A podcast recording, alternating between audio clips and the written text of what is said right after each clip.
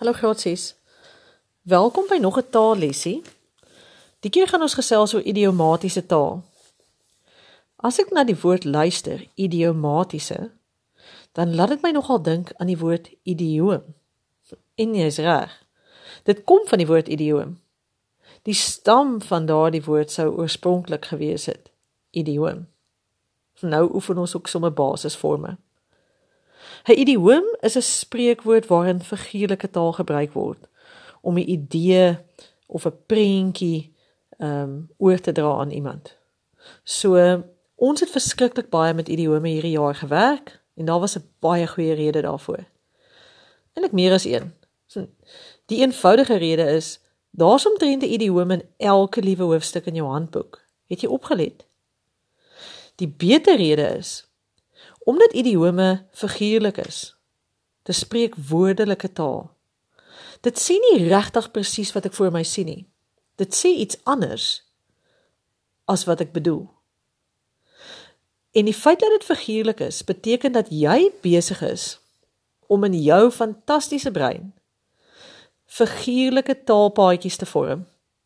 Dis die hoogste vlak van taal aanleer en dit gaan jou skryf en jou taalvermoë ongelooflik bevorder. So dit was 'n baie goeie rede vir al hierdie 75 idioomspeletjies wat ons gedoen het. Ek hoop jy het dit geniet. Ek hoop jy het by al 75 van hulle uitgekom en ek hoop jy sit die ander 75 wat in jou handboek is ook hierdie jaar nog by. Dink net hoe ongelooflik gaan jou taal teen volgende jaar wees. As jy kyk op bladsy 79 in jou handboek, dan is daar 'n lysie in hoofstuk 7 oor idiomatiese taal. So daar's 'n paar nuwe idiome waarna jy kan gaan kyk. Party van hulle het ons al gedoen. Ehm um, en uh, ek dink jy moet hulle by jou lysie sit. Dis maar soos 'n woordeskatlys. So as jy hulle leer, so moet jy hulle probeer onthou en so kan jy hulle begin memoriseer en dan kan jy hulle begin gebruik. Dis die heel belangrikste. Voel dit gedink as jy daai ehm um, gedig, jy weet, begin afrond ehm um, of skryf van jou gedig vir die FHK en dis glad nie nou ehm um, nodig om daaraan te werk nie, maar wanneer jy tyd het, kan jy gerus idiome daarin ook gebruik.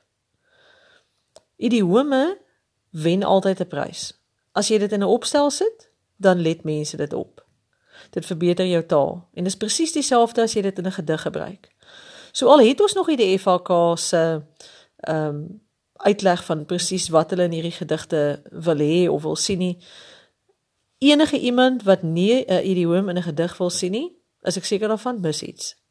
So dit ehm um, verryk net dit wat jy skryf en miskien sien jy nou 'n idioom soos jy deur jou hoofstukke werk oor musiek of wat jy laat dink aan musiek of wat jy ook al in jou gedig wil sit oor musiek.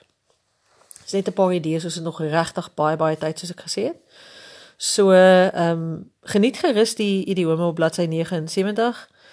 Weet dat dit ongelooflike paai in jou brein maak vir taalontwikkeling en dat jy regtig besig is om jou taal te groei deur jou figuurlike denke. Die meeste van hulle is baie snaaks, so jy kan maar lag. Die meeste van die Afrikaanse idiome is ook idiome wat gevorm het binne 'n situasie wat werklik plaasgevind het. Ehm um, en dit maak dit eintlik baie keer nog snaakser. So geniet dit gerus en as ek julle weer sien dan uh, gesels ons oor 'n ander taalfaset. Tot volgende keer weer.